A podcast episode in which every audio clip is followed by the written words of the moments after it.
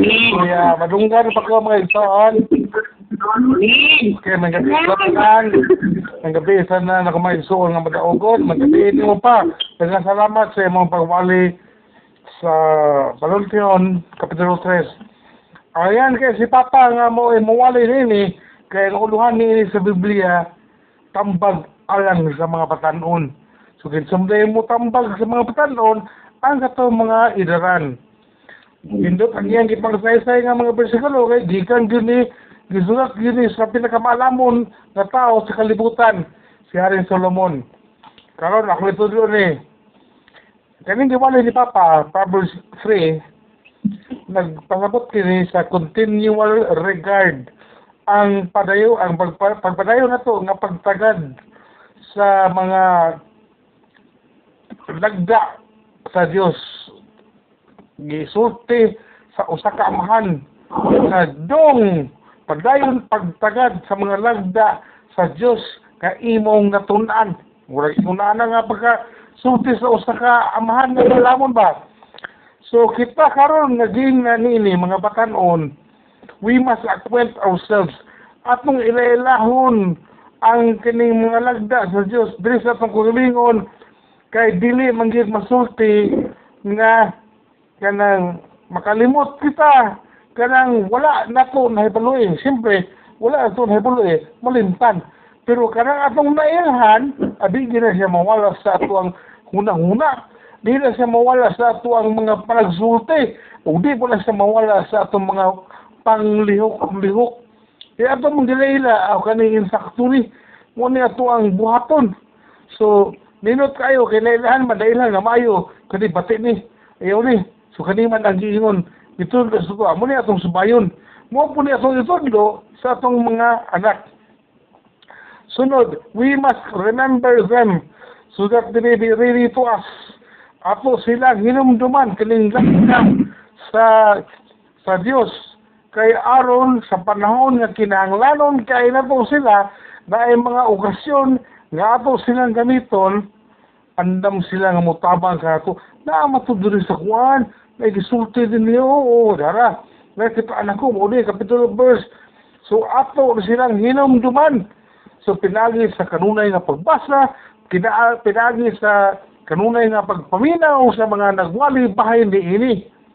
Dayon our will sa atong mga kabubuton o atong mga affection, atong mga pagbati, kinahanglan ubos gayud nining mga lagda sa Dios.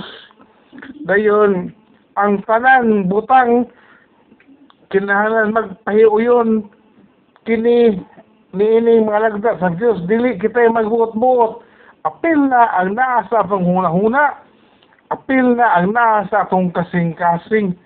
So, wa lusot.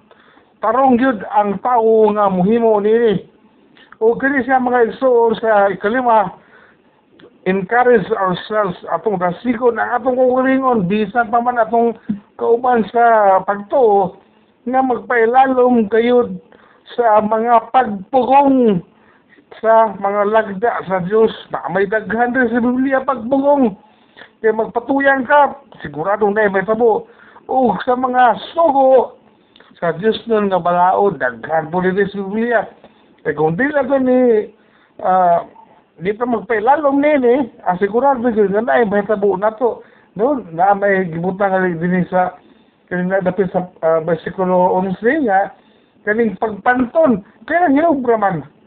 So, muabot ang panahon nga mapantol ka sa Ginoo, kaya nang hinubra ka, wala ka nag, kuha ka ng moderate ba, nagpatuyang ka, muna nga maabot ang pagpanton, muna nga gisali, gi, gidasi na pagpailalong sa mga pagpugong.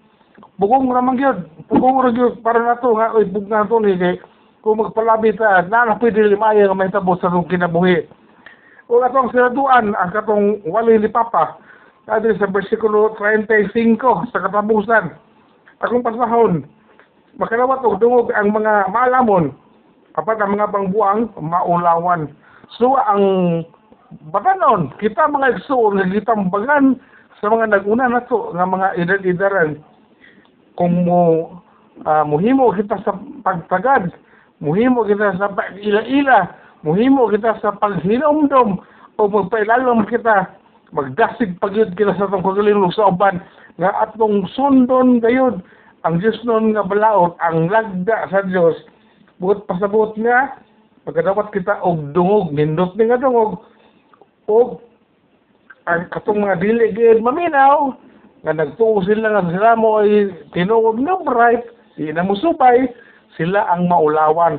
Tawag ko ng Diyos sa pagwali ni Papa nindot kayo na nasabta no? Kato gitudlo ko sa Dios nganhi ka nato o gigamit si Papa nga mo ay mo himo sa pagpadayag sa mong pulong. Salamat kay sa Ginoo kay atong natunan og balik nga kinahanglan ay dili gid ta mo mo, mo kawas sa atong gisupay nga talan padayon kita mga igsoon nga maglakaw ngayon.